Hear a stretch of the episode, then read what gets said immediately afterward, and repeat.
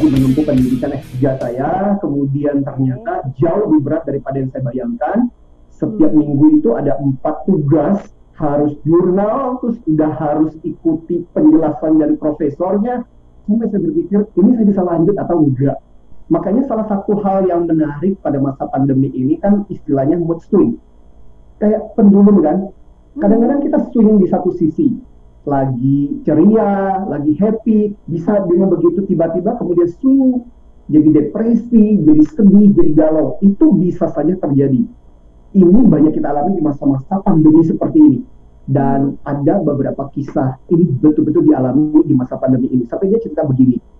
Saya dengan suami saya tiba-tiba mengalami depresi berat. Mood jadi berubah banget. Biasanya happy, senang. Kalau kerja tiba-tiba jadi berasa malas banget merasa hopeless. Terus akhirnya konsultasi lah ke psikolog.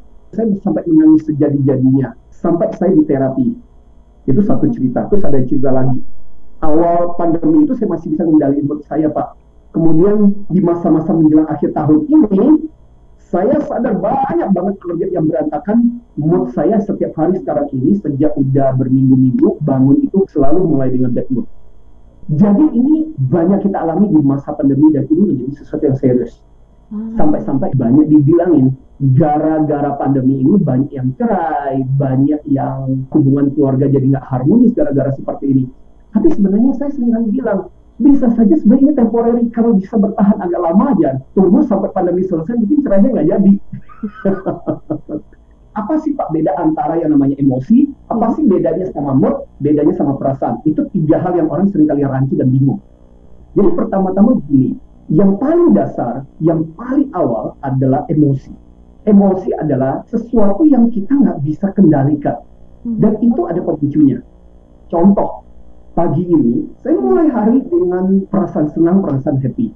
Tiba-tiba dong waktu ketika saya buka WA ini, saya dikasih kabar bahwa salah satu teman baik saya di SMA hmm. itu meninggal. Itu mata saya berkaca-kaca ketika membaca itu. Hmm. Nah ini yang disebut dengan emosi. Emosi itu singkat, penyebabnya jelas, dan biasanya nggak lama-lama. Misalnya contoh ketika di jalan, tiba-tiba kendaraan kita disalip, dan kemudian kita langsung kesel, jengkel, itu adalah bagian dari emosi dan kita nggak bisa mengendalikan biasanya emosi itu kan terlalu banyak disadari. Nah, ketika semakin disadari, dia kemudian disebut dengan perasaan. Misalnya contoh, kan tadinya saya sedih, yeah. tiba-tiba kemudian saya merenung kembali tentang teman saya ini. Ya meskipun teman baik dulu waktu ketika SMA saya tuh sebenarnya agak jahat juga.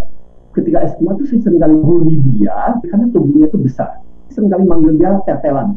Dan saya sering kali bilang, eh tetelan, tetelan datang. Misalnya ketika dia masuk di kelas, tapi teman saya ini tidak pernah marah, bahkan sampai ketika terakhir itu kita masih kontak-kontakan dan orangnya luar biasa dan dia adalah salah satu akuntan yang luar biasa. Okay. Jadi ketika semakin saya sadar, mm-hmm. perasaan sedih itu mulai bercampur dengan yang namanya rasa menyesal. Nah itulah kita masuk ke dalam bagian yang namanya feeling. Feeling itu berarti sesuatu emosi yang mulai semakin kita sadari. Nah, ketika emosi dan perasaan itu bergabung dan menjadi semakin panjang, itu bisa berjam-jam, bisa sampai berhari-hari, bisa sampai berminggu, dia menjadi yang namanya mood. Okay. Dan saking lamanya, lu udah nggak tahu lagi penyebabnya apa. Misalnya contoh lah, bangun tadi pagi, tiba-tiba merasa bete, merasa males, nah itu mood.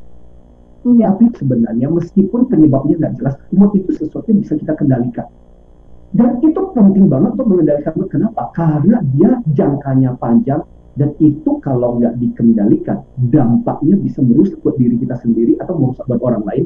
Paling hmm. parah, mood itu yang sering kali jadi pemicu orang bisa sampai bunuh diri, sampai melakukan hal-hal yang di luar batas nalar.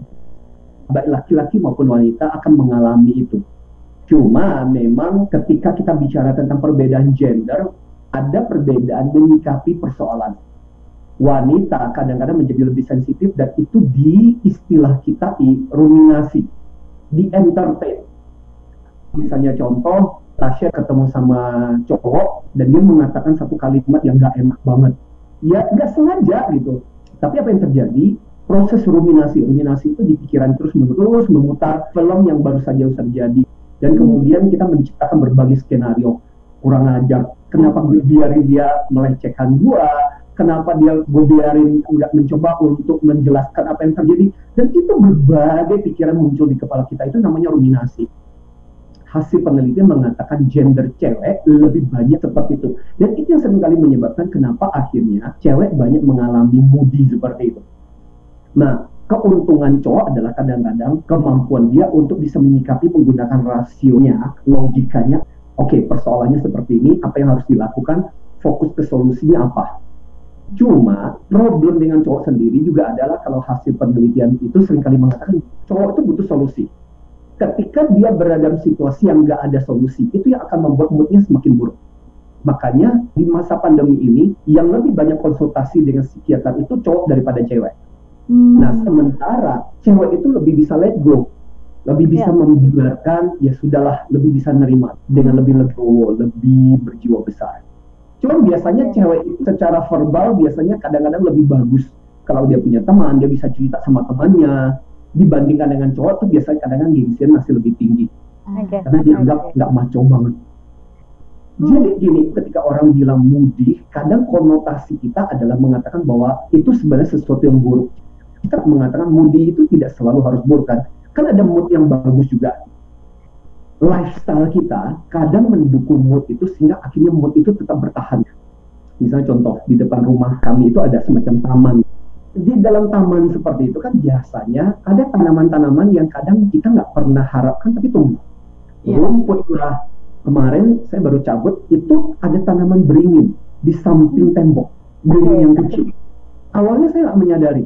Setelah belakangan udah agak besar baru saya sadari. Nah itu sama seperti kayak emosi dan perasaan. Ketika dia tumbuh kan awalnya kita nggak sadar itu kan seperti emosi kita nggak sadar tahu-tahu tumbuh aja. Ketika akhirnya sudah besar baru kita sadar. Nah kalau kita biarkan terus-menerus membesar dia menjadi semacam mood. Kenapa? Karena tanah di situ mendukung dia, situasi itu mendukung dia. Nah mood kita juga seperti itu. Makanya mood sebenarnya juga terkait sama lifestyle kita Ah. Lifestyle artinya apa? Pola pikir kita, pola makan kita, pola tidur kita. Karena menurut teori NLP, kalau kita bicara mengenai link antara tubuh dengan pikiran, hmm. kadang-kadang pikiran itu bisa dimanipulasi dengan tubuh kita. Jadi pada saat ketika tersenyum, pikiran kita akan mengatakan, loh, dia lagi tersenyum, berarti aku harus happy. Makanya bagaimana bos saya dulu waktu ketika saya mulai pertama kali bekerja, Salah satu tips yang dia berikan kepada saya adalah setiap hari busungkan dada, jalan dengan cepat, kalau lakukan sesuatu dengan sigap, itu akan berpengaruh pada mood kerjamu. Dan itu confirm mempengaruhi bagaimana saya memulai hari-hari saya. Ada satu hal penting yang saya mau sampaikan. Teknik yang disebut dengan mood management. Itu mencakup 4A. Ingat, mood itu bukan sesuatu yang buruk. Banyak orang bilang, gimana Pak caranya menghilangkan mood saya? Enggak usah dihilangkan Mood itu pesan buat kita tentang apa yang terjadi. Jadi dengarkanlah alam semesta yang berbicara kepada diri kita melalui mood kita tentang apa yang terjadi. Ya, jadi ah pertama adalah aware.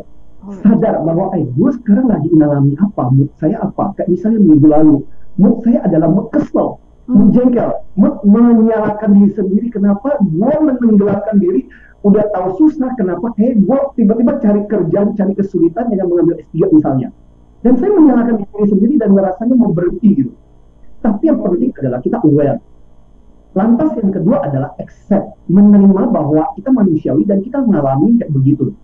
Kesel, jengkel dan sebagainya itu adalah bagian dari emosi kita. Mood itu kan sebenarnya akibat dari berbagai emosi yang bergabung jadi satu. Yang berikutnya adalah mengelola buat diri kita untuk mengalami itu oke, okay, saya mengalami seperti itu, saya mengizinkan perasaan itu terjadi pada diri saya, bahwa saya itu manusiawi. Lantas yang keempat adalah perlahan-lahan membiarkan dia untuk pergi. Tantangan dengan teknik mood management ini biasanya it works, sampai it not works. Makanya langkah yang paling berikutnya adalah mood transformation. Jadi bagaimana caranya kita mengalami sebuah mood yang buruk, tapi kita bisa mentransform itu menjadi sesuatu yang berharga dalam kehidupan kita. Nah, hmm. salah satu teknik yang kemudian diajari di dalam bagaimana kita mentransformasi mood kita adalah teknik yang namanya relaksasi. Memahami apa yang terjadi saat ini melalui pernafasan. Mood kita jadi jelek itu karena bisa jadi pikiran kita bercabang di dua sisi. Memikirkan tentang apa yang sudah terjadi atau mencemaskan tentang apa yang bakal terjadi. dengan relaksasi, ketika kita bernafas aja, menyadari aja, itu membuat pikiran kita kemudian menyatu. Paling enggak, mood kita jadi netral. Karena kadang-kadang orang semakin bete gara-gara memikirkan terlalu banyak. Dia nggak hidup di dalam kondisi sekarang orang bilang mindful kan. Ya, mindful itu berarti menyatakan diri kita dengan apa yang terjadi saat ini. Benar. Nah, yang kedua di dalam teknik transformasi itu adalah visualisasi. Jadi ini sudah terbukti dilakukan dengan mereka-mereka yang mengalami mood yang parah adalah membayangkan ketika kamu mengalami mood itu kalau dalam sebuah gambaran seperti apa sih? Saya mempraktekkan teknik ini buat diri saya sendiri. Gambaran saya adalah sebuah dinding hitam besar di depan mata saya. Nah, yang ketiga, ini yang paling penting, yaitu apa? Transformasi apa sih yang harus kamu lakukan dengan visual itu? Tanyakan pada diri kita yang kreatif. Ya. Diri kita yang bisa menolong diri kita. Lantas kemudian saya bertanya kepada diri. Jawaban yang saya peroleh adalah merobek dinding itu karena dinding itu tidak setebal yang seperti yang saya bayangkan.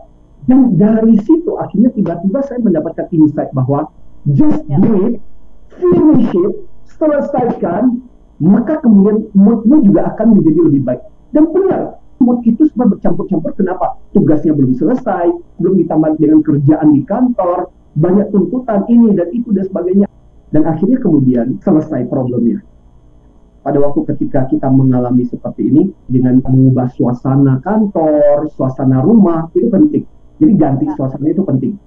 Ya. Bisa juga dengan latihan fisik, misalnya contoh olahraga dan sebagainya. Itu kan sebenarnya menaikkan hormon endorfin kita atau mengkomunikasikan itu juga menjadi sesuatu yang berharga.